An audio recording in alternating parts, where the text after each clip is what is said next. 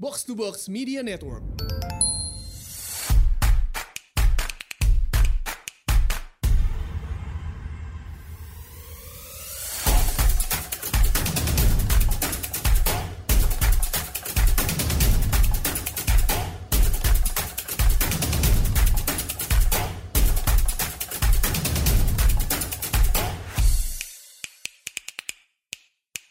Selamat datang di Asumsi Bersuara dan kali ini gue kedatangan uh, Mas Teguh Aprianto ya. Uh, welcome Mas Teguh di Asumsi Bersuara. Ya lo juga Mas. Okay. Uh, jadi mungkin uh, gue kenalin dulu kali ya Mas uh, Teguh Aprianto ini seorang hacker ya bener gak? Gue boleh bilang gitu gak Mas? Enggak, gue gak mau mengaku itu. jadi mungkin lebih tepatnya uh, Mas Teguh ini adalah cyber security researcher hmm. atau cyber security consultant ya bisa dibilang ya. Hmm. Uh, dan dia aktif juga di Ethical Hacker Indonesia. Jadi dia uh, banyak juga jadi security consultant di banyak perusahaan-perusahaan teknologi uh, di Indonesia. Nah kali ini mungkin kalau udah mulai kebayang uh, kita akan bahas tentang masalah uh, yang belakangan rame nih, salah satu uh, terkait data security kan. Kemarin tuh ada breach, uh, ada bocornya data pengguna Tokopedia uh, yang diperjualbelikan kalau nggak salah seharga 5.000 dolar, 73 jutaan ya.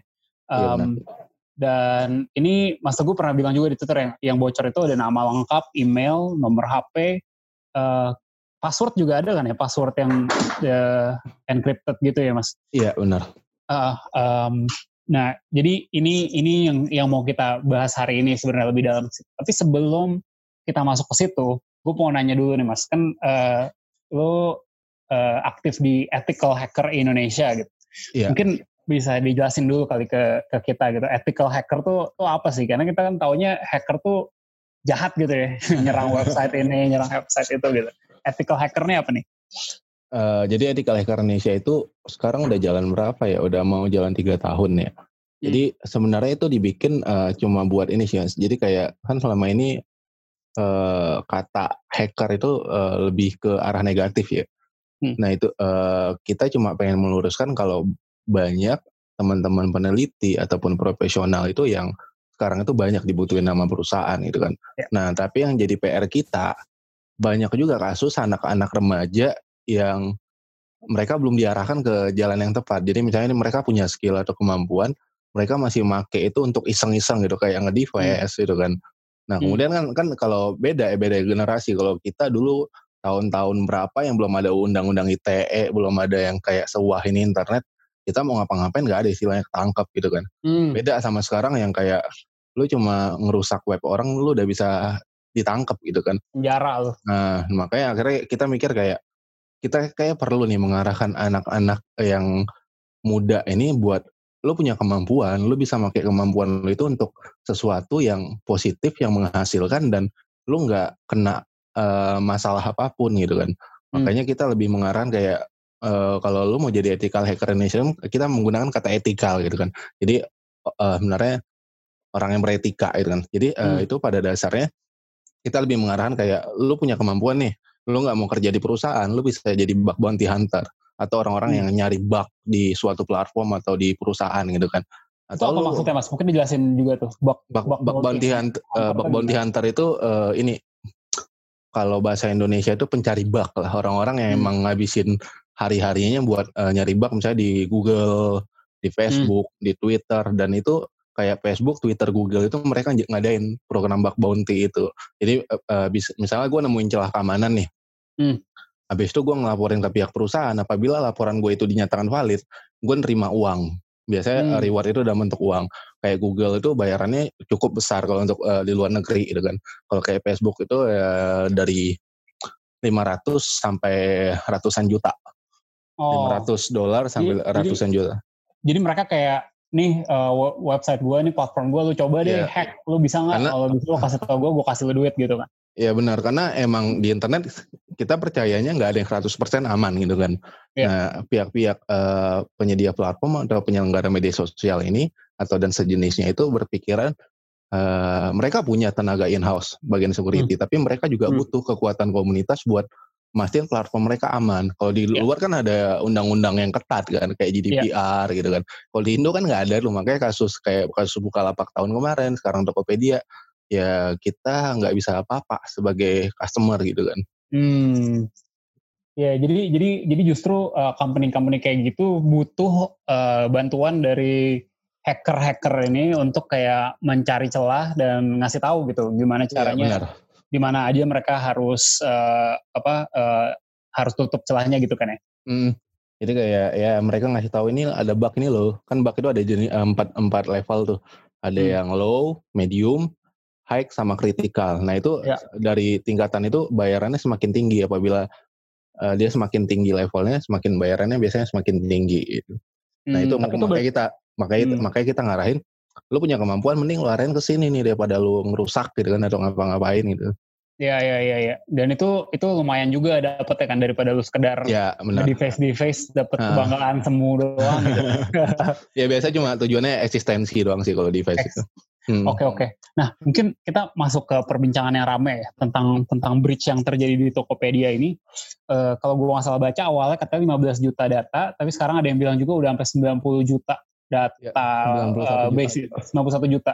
Hmm. Jadi ya hampir ya gue nggak tahu ya mungkin hampir semua database mereka kena kali ya semua orang hmm. yang pernah uh, apa uh, register di Tokopedia gitu kena. Mungkin Mas uh, Teguh bisa coba jelasin dikit ke kita yang masih awam nih sebenarnya yang, yang terjadi itu apa sih kok kok bisa uh, apa kok bisa sampai sampai lari ke tangan-tangan yang tidak tidak uh, seharusnya nih jadi uh, ini berkaitan lagi sama istilah bug bounty itu Tokopedia yeah. Bukalapak itu salah salah satu uh, perusahaan yang menjalankan program bug bounty hmm. jadi mereka juga menjalankan itu nah tapi problemnya itu dua company ini uh, kebanyakan sudah di blacklist sama teman-teman peneliti atau uh, teman-teman yang kita bisa sebut bug bounty hunter. Kenapa? Hmm. Karena banyak laporan yang masuk itu tidak nggak ditangani secara profesional. Oh, nah sebenarnya okay. tujuan uh, tujuan perusahaan mengadakan program bug bounty itu kan untuk mencegah hal-hal kayak gini kejadian kan. Yeah. Nah tapi apabila perusahaan menjalankan program bug bounty tapi nggak profesional, ya itu akhirnya orang udah males ngapain gua ngelaporin bak di tempat lu kalau lu gua aja uh, ngelaporin ke tempat lu lu ngeles mulu gitu kan kasarnya hmm. gitu nah itu udah berulang kejadian dari tahun berapa itu emang dua platform ini dianggap bermasalah jadi hmm. uh, misalnya hari ini gua ngelaporin nih di Tokopedia itu bisa uh, ntar berapa hari kemudian uh, dapat balasan dari tim Tokopedia mereka dengan gampangnya ngomong dan itu berulang kali kejadian ya mereka ngomong kayak ini udah ditemuin sama internal kita gitu Sementara hmm. lu kalau udah nemuin dari internal, masa udah berbulan-bulan itu lu nggak nutupin bug itu gitu. Padahal kritikal gitu. Nah, padahal ya bug itu sebenarnya ada dilaporkan atau di lu temuin sama internal, ya lu harus patching dong, harus nutup bug itu kan. Iya, iya, iya. Dan itu berulang kali kejadian. Nah, yang aneh-aneh baru-baru ini malah hari ini lu dibilang laporan yang masuk dibilang valid, kemudian berapa hari kemudian berubah jadi nggak valid gitu. Jadi kayak hmm. mekanisme yang mereka lakukan ini masih nggak jelas, nggak ada transparannya gitu kan. Jadi ya nah itulah makanya kemarin pas kejadian ini uh, rame gitu kan, ya nggak ada sih saya gue lihat yang apa teman-teman bak banti hunter atau teman-teman peneliti ini kayak iba atau simpati itu karena mereka udah nganggap ini bom waktu gitu kan. Hmm. Suatu hari bakal kejadian, makanya pas kejadian ya mereka udah nggak aneh gitu. Malah hmm. jadi ceng-cengan gitu. Oh, kayak gue bilang juga apa gitu ya. Ah, jadi kayak ya lu ngejalanin program bug bounty sebenarnya tujuannya untuk menghindari hal-hal begini kejadian tapi saat lu ngejalanin program itu nggak benar gitu ya udah orang males gitu daripada hmm. gue ngelaporin kalau nggak dapat apa-apa mendingan ya udah datanya gue jual. Kasarnya tapi, gitu tapi yang spesifik yang spesifik kejadian ini sebelumnya uh, udah pernah ketemu juga? Udah pernah udah pernah ketahuan atau atau enggak juga? Maksudnya gimana? Maksudnya dari teman-teman apakah udah ada yang pernah menemukan ada celah ini terus akhirnya celah inilah yang yang menjadi menjadi oh, gue belum tahu ya informasinya. Tapi ini kalau untuk Tokopedia ini kejadian kedua kejadian pertama oh, itu okay. per, kejadian pertama itu pernah teman uh, teman-teman uh, yang masuk komunitas itu nemuin bug hmm. tapi lebih ke data merchant jadi uh, data-data penjual nah itu okay. udah bentuk email dan nomor HP gitu nah itu kemudian yeah. dilaporkan malah ngeles yang Tokopedia itu dibilang itu fitur padahal itu udah, udah jelas data pengguna kan akhirnya yeah, yeah itu orang kesel datanya dipublish dijual oh. malah nah itu kejadian yang pertama habis itu kan uh, orang PR-nya Tokopedia ngomong ya sama dengan penggunaan kata yang sama itu fitur gitu kan jadi kayak ya semenjak itulah orang udah nggak udah nggak ini lagi sih sama mereka jadi kayak I see. Karena okay. makanya makanya kalau kita uh, dari komunitas tuh selalu menyarankan kalau lu emang mau uh, orientasi lu uang ya, misalnya lu nyari bug untuk uang, ya lu gunakan platform-platform yang ada dan sistemnya itu lebih jelas kayak Hacker One atau Bugcrowd. Nah itu mereka jadi kayak Gojek itu salah satunya uh, yang menggunakan platform Bugcrowd. Jadi setiap hmm. laporan yang masuk itu ditangani nama pihak Bugcrowd, divalidasi dan setelah dinyatakan valid baru itu diberikan dalam bentuk oh, rewardnya. Oh, jadi nah, jadi ada ada third partinya yang kayak sama-sama. Iya benar. Malah gitu mengguna gitu. malah menggunakan pihak ketiga itu lebih berasa ini lebih berasa transparan daripada uh, antara hubungan dua belah pihak ya. langsung gitu. Karena, mereka nggak ada nggak ada insentif untuk bilang uh, kagak ini bukan bukan bukan valid gitu. Iya benar. Mereka mah uh, transparan transparan aja gitu kan ya. Iya kayak kalau misalnya di Gojek itu di Bakrot itu mereka ada nentuin dari uh, bug yang dinyatakan low itu bayarannya 200 dolar. Maksimalnya hmm. itu apabila kritikal itu uh, ribu dolar ke atas gitu. Nah, itu yang oh. di, dibutuhkan transparansi kayak gitu. Makanya kalau kita belakang uh, dari komunitas menyarankan ya lo kalau mau emang nyari bug tujuan lo untuk uang atau lo nyari sesuatu yang orientasinya uang gitu, ya udah lu pakai platform jangan langsung kalau langsung ya lu dapatnya begini gitu kan jadi lu nggak hmm. jangan ngomel-ngomel kemudian karena ya walaupun mereka menjalankan program bug bounty tapi sistemnya mereka nggak jelas ya cap, dapat capek doang gitu. Oke okay, oke. Okay. Uh, Mas mungkin kalau dari sisi kitanya nih dari sisi hmm. uh, kita nasabah lah ya bukan nasabah apa sih istilahnya user lah. Yeah. Uh, kita sebagai user ya gitu kan kemarin kan ada website-website yang kita bisa ngecek apakah data kita pernah di bridge hmm. gitu kan. Kalau nggak salah monitor.firefox.com ya atau ada juga dari Avast uh, yang kayak lu masukin email lu hmm. terus keluar gitu. Oke, okay, lu pernah pernah di bridge di sini sini sini gitu. Nah, ya. uh, kalau misalnya kita menjadi bagian dari orang yang datanya di bridge juga gitu. Apa yang mesti dilakuin? Uh, jadi sebenarnya kayak monitor Firefox itu dia pakai API dari Have I Been Pwned gitu kan. Nah itu oh, iya, itu iya. sebenarnya uh, itu yang sebenarnya yang utama sih di internet itu okay. dia yang paling terkenal gitu kan. Yeah. Jadi kalau data breach itu ya emang kita belakangan nggak nggak tahu gitu kan. Jadi kayak tiba-tiba ngecek anjing uh, itu gua ada di sini gitu kan. Iya yeah, iya. Yeah. Jadi kayak kaget udah itu kayak ya udah akhirnya kalau dari kita menyarankan gini doang sih mas kalau lu data lu udah itu kan nah ini banyak yang salah salah paham kalau misalnya mereka ngecek email mereka masuk ke database mereka nyebutnya email gue udah diretas gitu padahal enggak itu hmm. cuma artinya email itu ada di data yang bocor itu gitu yeah. nah jadi kayak lu nggak cara nggak langsung kayak kan di twitter gue bikin begituan jadi langsung rame kayak mereka nganggap email mereka udah diretas iya, enggak yeah, yeah, gitu. yeah. jadi kayak itu sebenarnya cuma ya data lu kebetulan ada dan untuk uh, mencegah hal-hal buruk kejadian itu ya udah kita pengen kita cuma menyarankan ganti password email lu kemudian tambahkan opsi two, uh, two factor authentication gitu kan dan next uh, beberapa minggu atau beberapa bulan kemudian lu bakal nerima banyak email spam misalnya lu pakai iPhone lu bakal nerima banyak email spam yang mengatasnamakan Apple ID misalnya lu pakai PayPal lu bakal hmm. uh, dapat email spam atau scam itu yang berhubungan dengan PayPal. Nah itu tujuannya kemudian nanti untuk mencuri akun ataupun ya mendapatkan informasi kartu kredit gitu. Hmm, uh, kalau kemarin gue sempat sempat dengar juga ya di broadcast kan banyak ber, bersebaran lah ya di, di WA gitu kan kayak oh ini yang harus dilakukan ini harus dilakukan. Gue dengar juga soal lu harus ganti semua uh, password dari akun-akun apa pun yang menggunakan email yang lu pakai di Tokopedia misalnya. Hmm. Jadi misalnya misalnya gue ada Spotify, gue pakai ya, pakai email yang sama, gue harus ganti juga passwordnya itu itu itu bener apa apa berlebihan tuh? Jadi uh, banyak orang kan beda-beda nih. Ada orang hmm. yang misalnya males gitu kan, dia pakai uh, password yang sama di semua website atau di ya, semua ya, di semua aplikasi. Nah kalau itu emang lu harus ngelakuin okay. itu gitu kan. Karena ya sebenarnya dari, kalau dari kita menyarankan jangan pernah menggunakan password yang sama uh, di suatu layanan atau suatu website ataupun suatu aplikasi gitu kan. Itu untuk kan nggak realistis kan, agak iya. realistis kan lo punya tiap tiap satu platform baru lo punya password yang beda. Iya, makanya kan tapi kadang-kadang dari kita gue selama ini nanganin banyak kasus tuh emang kebukti sih itu masih banyak dilakukan gitu kan. Hmm. Jadi kayak ya itu makanya belakangan itu kita lebih sibuk mengedukasi orang-orang awam ya tidaknya efek dari kejadian uh, Tokopedia sama uh, beberapa kejadian, eh, kejadian sebelumnya ini bikin orang kemudian uh, perhatian sama masalah keamanan mereka. Yeah. Nah ini yang kemungkinan eh, ini bakal lebih eh, ini sih dampaknya bagus gitu kan. Hmm. Jadi ya kalau kita menyarankan jangan pernah menggunakan password yang sama.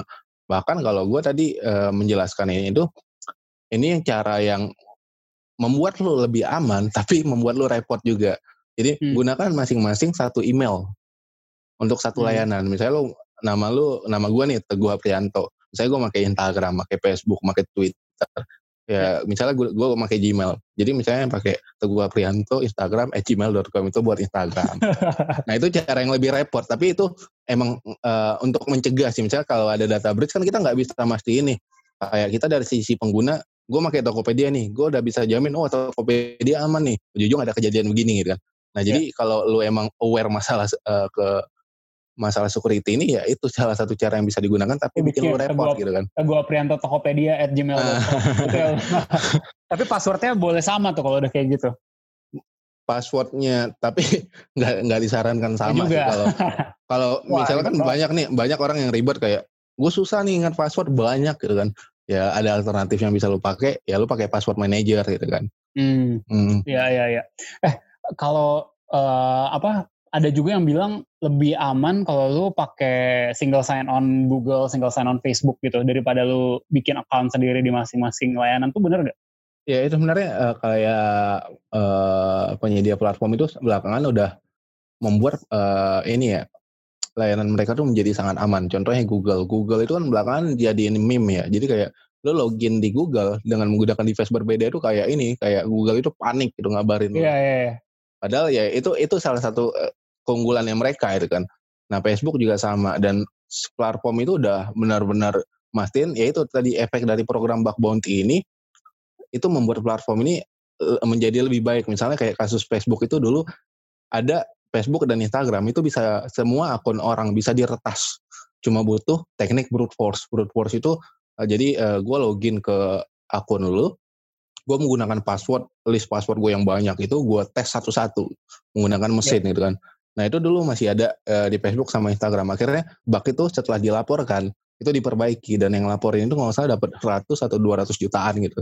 Hmm. Nah, jadi kayak yang kayak gitu akhirnya bikin platform itu sekarang lu nggak bisa buat ngambil akun orang lu nge-brute force uh, dari penyedia layanannya karena mereka udah mencegah hal itu kejadian yeah, gitu. Yeah, Jadi kayak yeah. lu masukin password berapa kali salah aja lu udah udah langsung diblok sama, sama mereka. Iya. Yeah berarti bener ya lebih lebih aman misalnya gue mau uh, buka bikin account di e-commerce mana gue hmm. langsung pakai single sign on Google atau Facebook aja gitu ya daripada ya, gue tapi bikin tapi itu itu belakangan jadi masalah ini juga sih eh, gue nggak bisa mastiin itu aman gitu kan karena kan nah. uh, untuk single sign uh, single sign on itu kan dia ada nyimpen token kan nah itu hmm. tokennya itu kemudian yang ditakutkan bisa digunakan gitu kan untuk iya, iya. layanan-layanan ya, ya. yang yang lain mungkin gitu kan karena ada teman-teman gue kita ngebahas masalah itu ada teman-teman gue yang menyarankan jangan pernah login menggunakan sosial media ataupun email di suatu layanan. Oh justru gitu. jangan.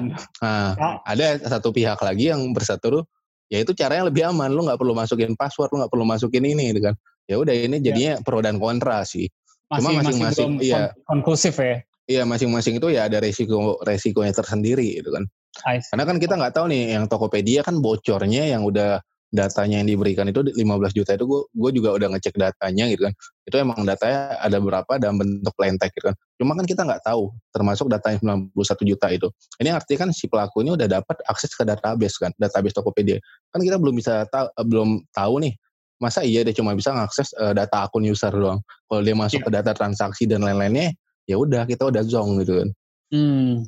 Tahuan lo beli apa aja hmm. gitu Ya, sebenarnya ya. yang laku dijual itu data transaksi kan. Kalau lo nah. menjual data akun ke perusahaan sebenarnya nggak terlalu lah ya, karena jatuhnya ya. marketingnya nggak terlalu kepake. Tapi kalau lo dapat data transaksi itu dijual ke perusahaan, nah itulah kemudian bisa dipakai buat mapping kan. Jadi kayak e, memisahkan karakteristik pengguna yang suka belanja A, belanja B hmm. gitu kan. Hmm. hmm. Eh, Mas uh, terkait terkait nih sama itu. Uh, jadi gue pengen nanya juga soal data yang diperjualbelikan gitu kan. Kan katanya uh, katanya lima ribu dolar buat 90 juta data gitu. Nanti kan satu user nggak nyampe satu perak tuh harganya. Yeah. Iya. Uh, gue penasaran sih, katanya data mahal gitu ya. Kok data ternyata murah banget ya. Satu satu orang lu hanya satu perak doang gitu. Hmm. Uh, ya gue pengen, gue penasaran aja sih kok kok semurah itu. Emangnya bisa dipakai buat buat apa sih sebenarnya datanya tuh uh, ya, ya itu tadi sih tujuannya apa gitu ya ter, sebenarnya tergantung yang punya data ya kalau lu ketemu sama mafia yang hmm. benerannya mungkin data lu bisa dihargain dengan jumlah yang wah gitu kan tapi karena ya. lu ngelakuin uh, dengan cara yang nggak bagus gitu kan dan kemudian ketahuan dan lu menjual itu ya satu-satunya bisa lakuin itu menjual dengan harga yang menurut lo di pasaran oke okay nih harga segini gitu kan hmm. karena ya dan itu juga dijualnya di dark web gitu kan jadi kayak yang sebenarnya kalau dia itu ter, emang termasuk murah sih harga segitu. Tapi ya itu lebih lumayan lah daripada Bukalapak. Bukalapak kemarin 12 juta data dijual hmm. 20 jutaan gitu. Hmm, oke. Okay. Jadi kayak kayak kasus begini itu ya itu tadi yang gue omongin kalau uh, dia mau ngejual ke perusahaan pasti perusahaan itu butuh bukan cuma data akun gitu kan. Uh, perusahaan itu butuh kayak kenapa ya kayak kita di internet lah. Lu sekarang udah internet lu buka website apa pun semuanya udah ada tracking kan melacak yeah. setiap aktivitas lu berpindah ke mana ke sana sini. Nah itu data yang dibutuhin sama perusahaan sebenarnya. Data uh, makanya belakang Xiaomi kan ketahuan tuh uh, mereka ngelok setiap aktivitas penggunanya di browser gitu kan. Hmm. Jadi setiap uh, web yang lu visit itu dikirimkan datanya ke server mereka. Nah itu hmm. data-data itu yang dibutuhkan sebenarnya itu. Kalau data Tokopedia ini lebih ke ini sih data akun ini mungkin lebih ke untuk penggunaan marketing karena kita nggak dapat uh, ini ya hmm. mengelompokkan pengguna A ini dia suka apa itu dan itu mungkin nggak terlalu berguna untuk perusahaan gitu. Bentar, salah nggak gue kalau berpikir kalau hanya untuk marketing tuh nggak serem-serem banget gitu dibanding hmm. kalau misalnya itu dipakai buat ya nanti ngeretas gue terus kayak kayak ngeliatin isi inbox gue segala macam. Tapi kalau misalnya itu arahnya adalah supaya si perusahaan yang beli datanya bisa mapping uh, pasar gitu, terus dia bisa nawarin produk-produknya dia ke gue, uh, ya mungkin itu masalah privacy memang, tapi kan ah. nggak uh. serem itu ya. Salah nggak gue mikir gitu? Bisa sebenarnya, cuma uh, dia agak kesulitan sebenarnya perusahaan mengelompokkan lu karena dia nggak dapat data kayak uh, lu pernah belanja apa gitu. Jadi kayak hmm. pengelompokannya itu agak susah sih karena dia cuma punya email, uh, nomor HP dan apa ya tanggal lahir itu. Tapi kalau yeah. untuk uh, sesuatu yang mengarah ke tindak pidana cyber itu lebih kuat gitu karena ibaratnya lu misalnya kita berdua nih, kita berdua orang awam ya kita hari ini sebenarnya hidup enak masih bisa santai gitu kan. Tiba-tiba kejadian yang bukan eh, kejadian yang Tokopedia ini. Hmm. yang jika sebelumnya kita termasuk ke dalam list orang yang enggak terlalu ini ya rentan untuk menerima eh, untuk menjadi korban cybercrime gitu selanjutnya kita bisa jadi. Karena orang awam dikirimin email eh, yang mengaku dari bla, eh, entah itu dari mana pun banyak yang enggak melakukan. Itu kayak misalnya eh, memeriksa email yang ngirimin itu emailnya bener apa enggak. Misalnya kalau Apple kan seharusnya apple.com gitu kan. Iya, iya. iya. Nah, terus link yang diklik itu bener nggak ngarahnya ke apple.com atau ke website-website yang nggak jelas lainnya. Nah itu banyak. Benar, benar. Karena gue selama ini nanganin kasus pembajakan akun tuh entah baik itu artis ataupun orang-orang biasa ya mereka banyak yang kena dari korban phishing itu gitu. Phishing tuh yeah. yang orang bikin website pura-pura mirip dengan hmm, benar. website tertentu, terus lu login seakan biasa aja, tapi dia langsung dapet password lu kan? Iya, data lu, data abis lu masukin username password atau email dan password lu itu data itu langsung dikirimkan ke server dia atau ke emailnya dia gitu. Itu nah, serem sih. Kemudian ter, Iya, ya itu salah, sa salah satu yeah. yang uh, ditakutkan itu itu dan itu bukan ditakutkan sih bakal kejadian gitu kan makanya itu yeah, gue bilang tadi orang yang sebelumnya nggak rentan Eh, ke depannya bakal bisa uh, jadi rentan apalagi iya. orang-orang yeah. yang awam gitu kan karena karena banyak banget sih saudara-saudara gue ya, orang tua gue kadang-kadang suka nanya gitu kan eh ini hmm. uh, mama dapat email dari Apple nih ah. suruh masuk sini gitu terus kalau gue lihat aja sendernya siapa ternyata bukan dari apple.com nah berarti hmm. ini kan uh, phishing maksud gue sangat mungkin banget orang kena gitu kan iya beruntunglah uh, kita yang paham gitu kan yeah. masalah begituan. Kalau orang yang nggak paham ya udah mereka udah tuh nggak bisa nanya juga, nggak tahu apa-apa, akhirnya udah mereka langsung ngeklik gitu. Iya iya iya. Uh, eh Mas gue mau nanya juga ini kan ceritanya datanya tuh di, dijual belikan di, di dark web ya. Hmm. Mungkin lu bisa cerita dikit nggak sebenarnya dark web tuh apaan sih? Karena uh, yang kita dengar kan kita orang-orang awam lah ya, kita kan pikir hmm. oh dark web tuh Iya nggak nggak kebayang juga kayak apa isinya katanya orang bisa jual beli pembunuh bayaran lah senjata segala macam apa jadi, sih sebenarnya jadi itu, itu banyak sih yang apa yeah. ya salah paham gitu kan salah yeah. paham itu dalam artian mereka nganggap dark web itu seputarnya ya seputar yang hal-hal yang buruk gitu kan ya yeah. tapi emang emang pada dasarnya emang dark web itu di, uh, diciptakan itu kalau gua nggak salah ya jadi dulunya itu uh, kayak lembaga-lembaga rahasia di US lah itu. Mereka itu butuh saluran komunikasi yang enggak inilah yang enggak kayak di internet yang bisa kebaca gitu kan. Akhirnya mereka bikin lah dark web itu. Itu tujuannya untuk saling berkomunikasi.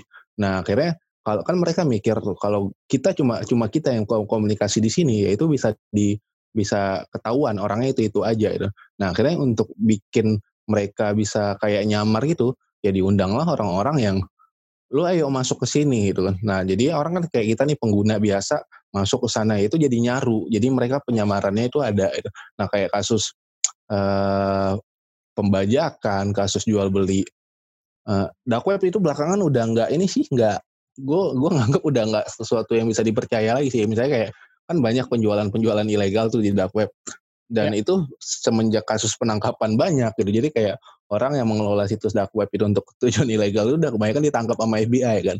Belakangan malah gue mikirnya kayak hmm. FBI itu yang megang semuanya itu. Jadi kayak kayak ya agak hati-hati sih. Jadi kayak kemarin kasus yang terakhir udah pembajakan apa itu itu udah ditangkap.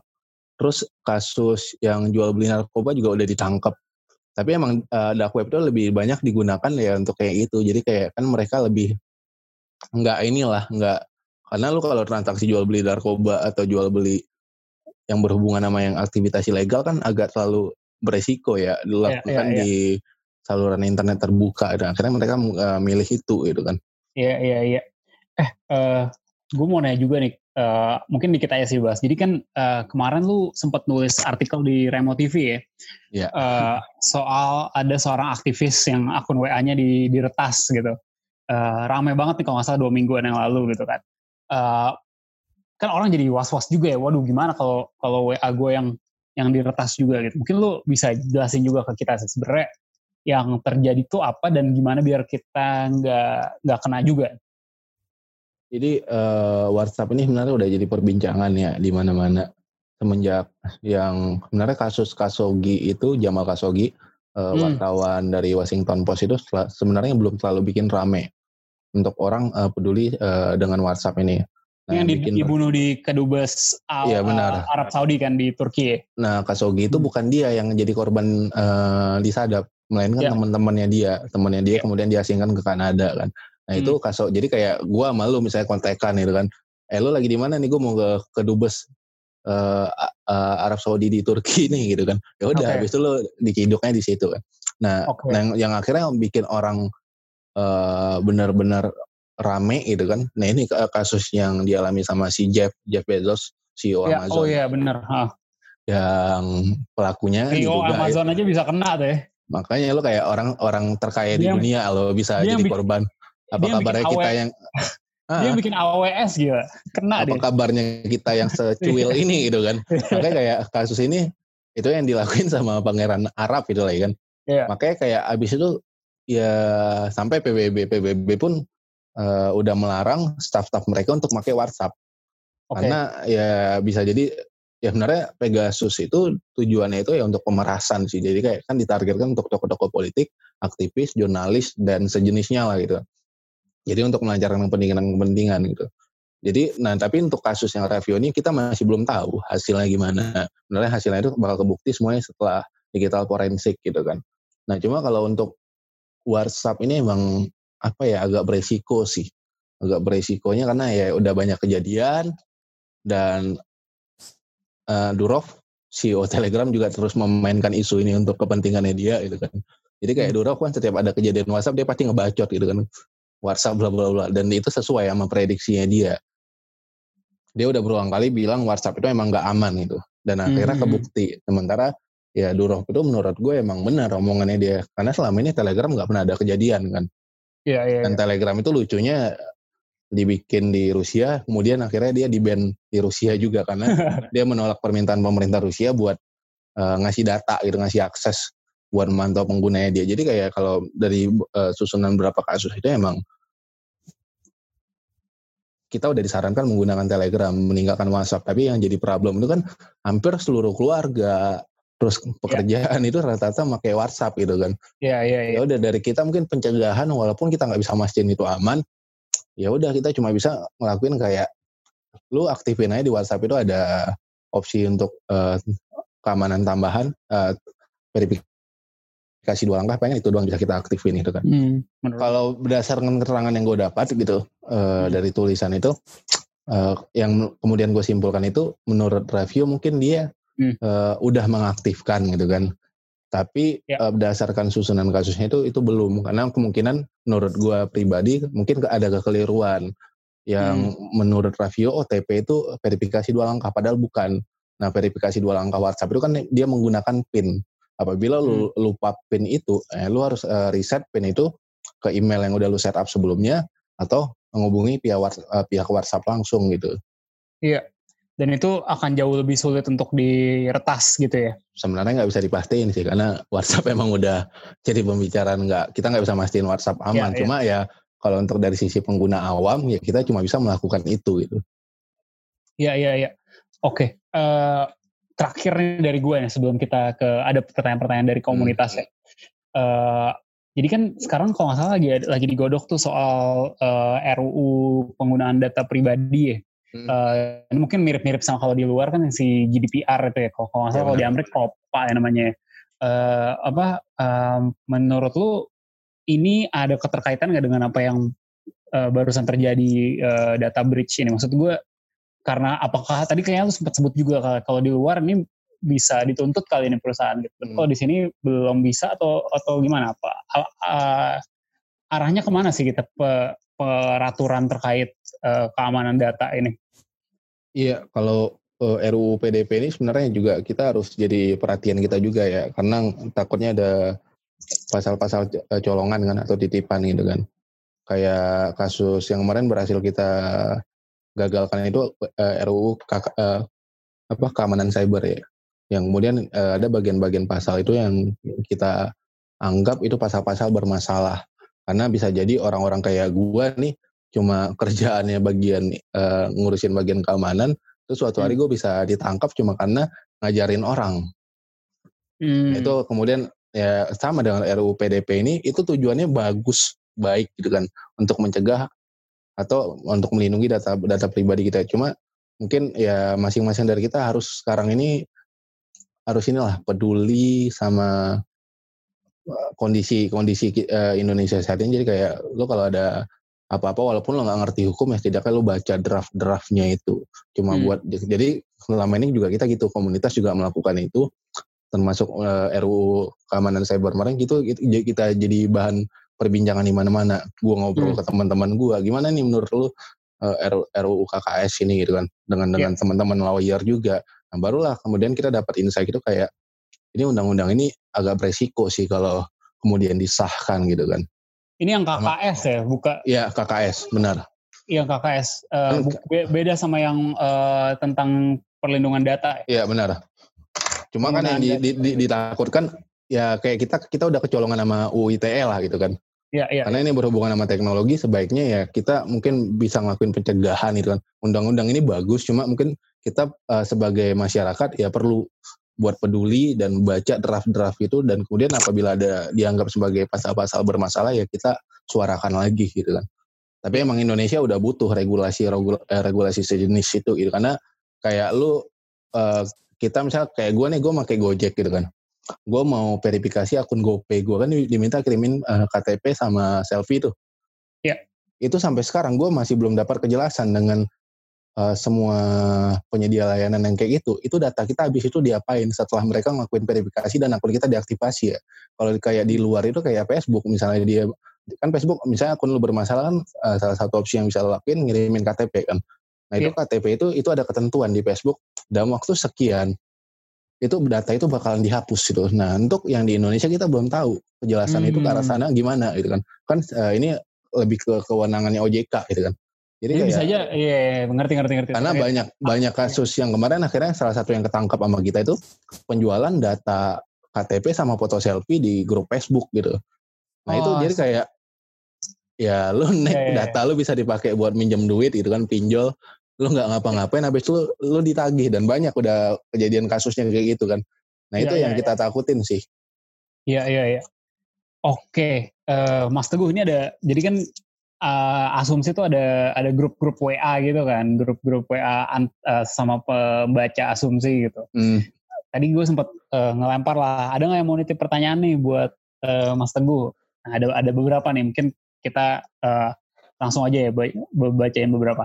Ya, dari at Lutfilik uh, bentuk pertanggungjawaban apa yang bisa kita tagih ke pemilik situs kasus kemarin e-commerce? Kalau ada data breach kayak kemarin since gak ada rilisan resmi dari mereka kan kalau anjuran dari Tokopedia cuma itu doang ya minta ganti password dan mereka meyakinkan kita kalau nggak ada dampak yang bla bla bla padahal data kita hmm. udah jelas bocor ya. gitu kan. Hmm. Kemarin gue juga ngobrolin ini sih sama teman-teman uh, praktisi hukum gitu. Jadi kayak ada nggak sih undang-undang yang bisa dipakai ini untuk kasus-kasus yang gini walaupun kita belum punya PDP gitu kan.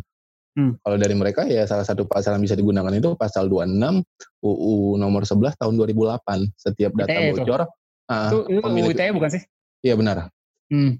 Setiap data bocor, pemilik data berhak menuntut ganti rugi. Dan seharusnya ini udah harus kita lakuin sih, karena kalau ini terus-terusan terjadi, gitu kan kayak lapak kemarin, ya udah mereka lepas gitu aja. Tokopedia ya. sekarang lagi, gitu kan. Nah, next kita nggak tahu siapa lagi dan ya setiap kejadian begini kita dari sisi pengguna cuma nggak bisa ngapa-ngapain, diem aja pasrah gitu kan. Nah, hmm. seharusnya mungkin dari kita ya udah harus ada action gitu ngapain gitu kan buat bikin setidaknya efek jerak. Jadi next perusahaan ini udah, udah nganggap kayak kalau sampai perusahaan gue kena data breach gitu kan, gue habis nih. Jadi kita supaya, harus kayak iya. Hmm. supaya dianggap serius ya. Maksudnya mungkin iya, benar. mungkin tuh nggak murah juga kan untuk bisa me menjaga supaya nggak terjadi ini. Tapi dia tahu kalau ini apa kejadian lebih mahal lagi ongkos gue hmm. gitu kan. Ya seharusnya hmm. ya itu kita berkaca sama kasus di Eropa dengan kayak mereka cuma kasus data breach saya mereka kena denda sampai triliunan gitu kan. Ya, ya gimana iya. nggak ya. bikin mereka pusing gitu kan dan itu yang kemudian bikin uh, perusahaan itu kayak lebih peduli gitu kan dan lebih hati-hati untuk uh, mengatur data-data kita semua. Iya iya iya. Oke, Mas, ini dari M at M I Q B A L U X. Profe ini lebih ke pertanyaan pertama gue tadi nih mirip. Profesi hmm. cyber security analyst consultant ini apakah sudah ada wadah profesi dan memiliki kode etiknya gitu? Karena mem karena kadang beda kubu bisa beda hasil analisanya apalagi kalau sudah terkait politik. Oh. Uh, jadi ya, intinya dia kayak anal dia intinya mempertanyakan nih uh, gimana kalau analis-analis ini bisa jadi corong untuk uh, salah satu kubu lah gitu. Uh, yang yang yang berseteru. Yang satu bilang oh ini uh, apa iya dibajak. Yang satu bilang wah hmm. ini uh, kayaknya enggak nih gitu ya, terlalu banyak terlalu banyak pernyataan ya. Nah iya uh, kalau kalau lu melihatnya melihatnya gimana nih uh, Mas Teguh? Kalau gua kalau gue percaya sih sama uh, orang yang apa ya yang independen terus dia yang nggak terlibat ke kepentingan mana pun gitu kan.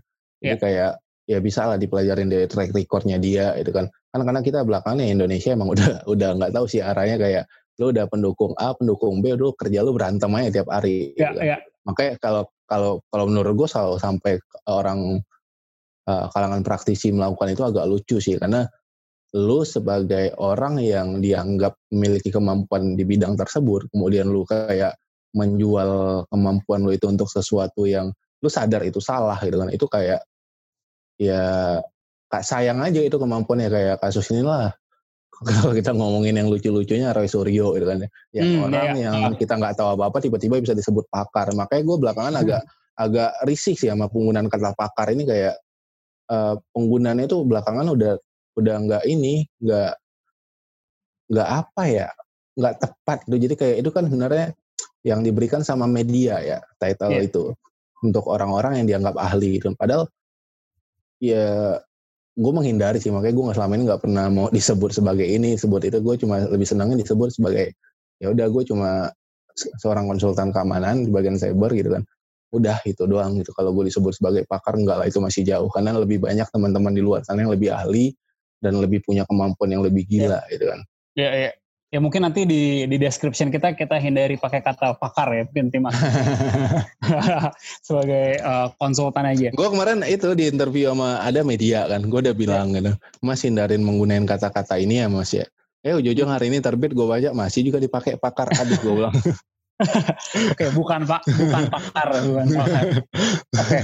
uh, oke, okay, ini dari Ed Budi Gufi menurut gue menarik nih. Mana yang lebih da dahulu dibutuhkan Indonesia, peraturan tentang perlindungan data pribadi kayak GDPR di EU, uh. atau peningkatan awareness masyarakat tentang pentingnya data pribadi. Gue inget dulu gue pernah pernah ada podcast, uh, pernah ada episode juga uh, yang bahas soal keamanan data pribadi ini, yang intinya kesimpulannya adalah orang Indonesia tuh masih banyak yang bodoh amat juga data gue data hmm. gue dipakai orang ya ya terus terus kenapa gitu uh, waktu itu sama Mas Zaka ya kalau nggak salah uh, gue gue ngeliatnya gimana gue udah berapa tahun ini udah teriak-teriak sih masalah orang biar lu peduli sama masalah privacy gitu kan. Hmm. Dan emang masih banyak yang bodoh amat gitu kan.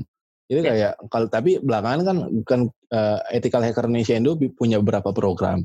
Nah ini yeah. selama COVID-19 ini kita bikin setiap dua hari itu live. Jadi ada yeah. kita mengundang teman-teman dari kalangan profesional buat berbagi gitu kan pengalaman ataupun materi yang mereka punya ke anggota-anggota itu setiap dua hari kita live di Facebook. Nah itu hmm. uh, kita kayak ini loh ngasih ngasih belakangan gue pengen lebih targetin itu ke masyarakat awam karena selama ini kita nih dari kalangan komunitas lebih sibuk memperhatikan orang-orang yang udah paham gitu kan. Sementara hmm. di luar sana tuh masih orang masih banyak orang awam tuh yang nggak paham masalah beginian gitu kan. Yeah, nah, yeah, itu yeah. yang lagi gue pikirin gimana cara kita mengedukasi orang-orang awam. Nah makanya gue bilang kejadian Tokopedia ini memberikan dampak yang sangat baik gitu kan setidaknya ada, bikin orang uh, ada bikin orang ya. Iya, bikin orang lebih peduli uh, terkait masalah keamanan datanya mereka gitu kan. Iya, Tapi iya. kalau dibilang di antara dua itu menurut gue ya Indonesia sekarang lagi butuh undang-undang yang mengatur uh, pelindungan data sih. Karena okay. untuk mengedukasi masyarakat awam itu butuh waktu yang lama gitu. Dan seharusnya itu tugas lembaga-lembaga pemerintah yang terkait gitu kan kayak ya gue nggak tahu Kominfo, BSSN itu seharusnya tugas mereka untuk mengedukasi kan. Yeah. Tapi sejauh ini ya nggak ada ya males sih ya mungkin sama cara ini ya cara pemerintah mengedukasi itu kan bikin orang kayak yang template-nya begitu-gitu aja itu kan jadi kayak yeah. mereka nggak masuk ke situ dengan cara yang lebih beda gitu kan jadi yeah. orang-orang mungkin ya nggak ter ya kayak orang awam yang nggak ngerti komputer gitu kan misalnya nggak ngerti apa-apa coba ya lu suguhin masalah beginian mereka pasti mikir apaan sih gitu pengen begitu gitu kan jadi kayak pendekatannya mungkin harus beda gitu kan iya yeah. yeah makanya juga uh, lo mau ya diundang asumsi ya biar ya biar pendengar kita juga aware nih dengan isu ini. Uh, Mas terakhir deh dari Bung Farid nih, at Bung Farid. Hmm. Uh, pencurian data lalu dijual ini kan semestinya udah masuk pidana. Apa sudah ada tindakan penyelidikan dari kepolisian? Ancaman pidananya berapa tahun? Mungkin buat yang ini ya, yang yang ngelakuin hacking ini. Kalau kalau ketahuan udah ada udah ada pidananya belum sih sekarang tuh? Udah, udah ada. Kalau pelakunya hmm. ketahuan gitu kan. Kan yang jadi masalah itu yang masalah Tokopedia. Tokopedia itu kan nggak ketahuan sampai mereka yeah, yeah. Uh, kerjasama sama Kominfo dan BSSN kan buat mengungkap yeah. pelaku ini gitu kan. Jadi kayak ya kalau kasusnya udah ketahuan ya kayak kasus kita berkaca sama kasus ini aja lah di investment gitu kan. Di investment itu ya mereka udah ada undang-undangnya itu udah masuk ke ilegal akses kan. Yeah. Walaupun uh, belakangan kita lagi memperdebatkan uh, maksud dari ilegal aksesnya gimana nih, sejauh mana. Misalnya kayak gue udah scanning suatu website tanpa izin kan itu sebenarnya uh, dalam UITE itu udah bisa disebut sebagai illegal access tapi ya. sebenarnya gue dari visi gue gue belum ada ngapa-ngapain gitu belum merusak belum masuk gitu kan jadi kayak penggunaan kata illegal access itu masih jadi perdebatan sih di kalangan para ya. ahli ataupun uh, praktisi hukum iya iya oh jadi sebenarnya baik peraturan sih udah ada cuman ah. ya good luck aja lo nemuin siapa nih yang lakuin Ya kalau kasus Tokopedia ini nggak tahu sih bakalan kebuka apa enggak pelakunya dan Cuma hmm. ya kalau Tokopedia yang hari ini gue dapat update-nya emang dia kerja sama Kominfo sama BSSN kan buat mengungkap pelaku buat ini mengungkap. gitu. Oke oke. Ya kita lihat aja lah moga-moga ketangkep mungkin ya. hmm. ya. Oke. Okay. Uh, eh, Sebenarnya masih banyak pertanyaan lain tapi kalau gue baca-baca sih banyak yang kita udah sempat sentuh juga jadi mungkin hmm. nggak hmm. nggak perlu nggak perlu dibahas lagi. Mas Teguh mungkin terakhir dari lu ya uh, ada ada hal lain nggak yang mungkin dari tadi kita belum bahas, belum sempat gue tanyain, tapi menurut lu penting nih buat semua pendengar kita tahu tentang uh, cyber security ini? Hmm, jadi kalau dari gue mungkin ini sih ya, uh, untuk masalah yang berhubungan sama teknologi ini mungkin eh, orang-orang yang bisa diandalkan itu adalah kalangan-kalangan muda. Jadi misalnya kayak gue, gue memulai itu dari hal-hal kecil kayak gue mengedukasi uh, nyokap gue gitu kan, yeah. yang hampir se semua orang tua kita kan sekarang berkutat sama gadgetnya mereka gitu kan. Jadi kayak yeah. lu ngelakuin hal-hal kecil kayak ya salah satu musuh kita terbesar kita kan hoax gitu kan. ya lu gimana cara lu mengedukasi orang tua lu biar nggak jadi korban atau karena dan termasuk bikin mereka itu kayak ini loh mengedukasi mereka lebih peduli masalah beginian ya tapi ya itu lagi kembali lagi kan kadang-kadang buat ngasih tahu orang tua ini nggak nggak gampang gitu kan nah itu tugas hmm. kita buat lu udah dididik dari kecil tuh sama orang tua lu dengan sabar ya ini gantian kita mendidik orang tua kita yang yeah. berhubung eh, terkait yang berhubungan sama teknologi ini dengan rasa yang sabar gitu kan. Pelan-pelan ya tidaknya lu bisa mulai hal-hal kecil dari situ. Lindungi keluarga lu dulu baru lu lindungi sesuatu yang lebih besar. Itu udah mungkin berdampak sih. Iya. Oke Mas Teguh thank you banget atas waktu lu ya, sama-sama. uh, kita untuk men uh, mencerahkan kita lah ini untuk uh, apa uh, tentang cyber security ini. Moga-moga nggak nggak ada yang kena. Amin. Sip. Oke, okay, thank you banget uh, untuk yang udah dengerin juga. Uh, jangan lupa follow Asumsiko, follow Box to Box ID. Mas Teguh ada akun apa? Gua yang mau akun, dipromosikan? Hmm, akun Instagram mungkin uh, Segron. Itu gue lebih banyak uh, melakukan edukasi seputar keamanan itu di Instagram tapi belakangan karena sebenarnya gue nggak aktif di Twitter sih cuma yeah. belakangan kayak mikirin mungkin ya sekarang udah pakai Twitter juga tapi lebih sering gue menuliskan dalam bentuk panjang itu di Facebook. Oke. Okay. At apa S E C G R O N. Iya benar. Uh. Oke, okay, sip di follow tuh untuk lebih lengkapnya ke depannya kalau ada isu-isu berikutnya. Sampai jumpa lagi hari Selasa depan. Ciao.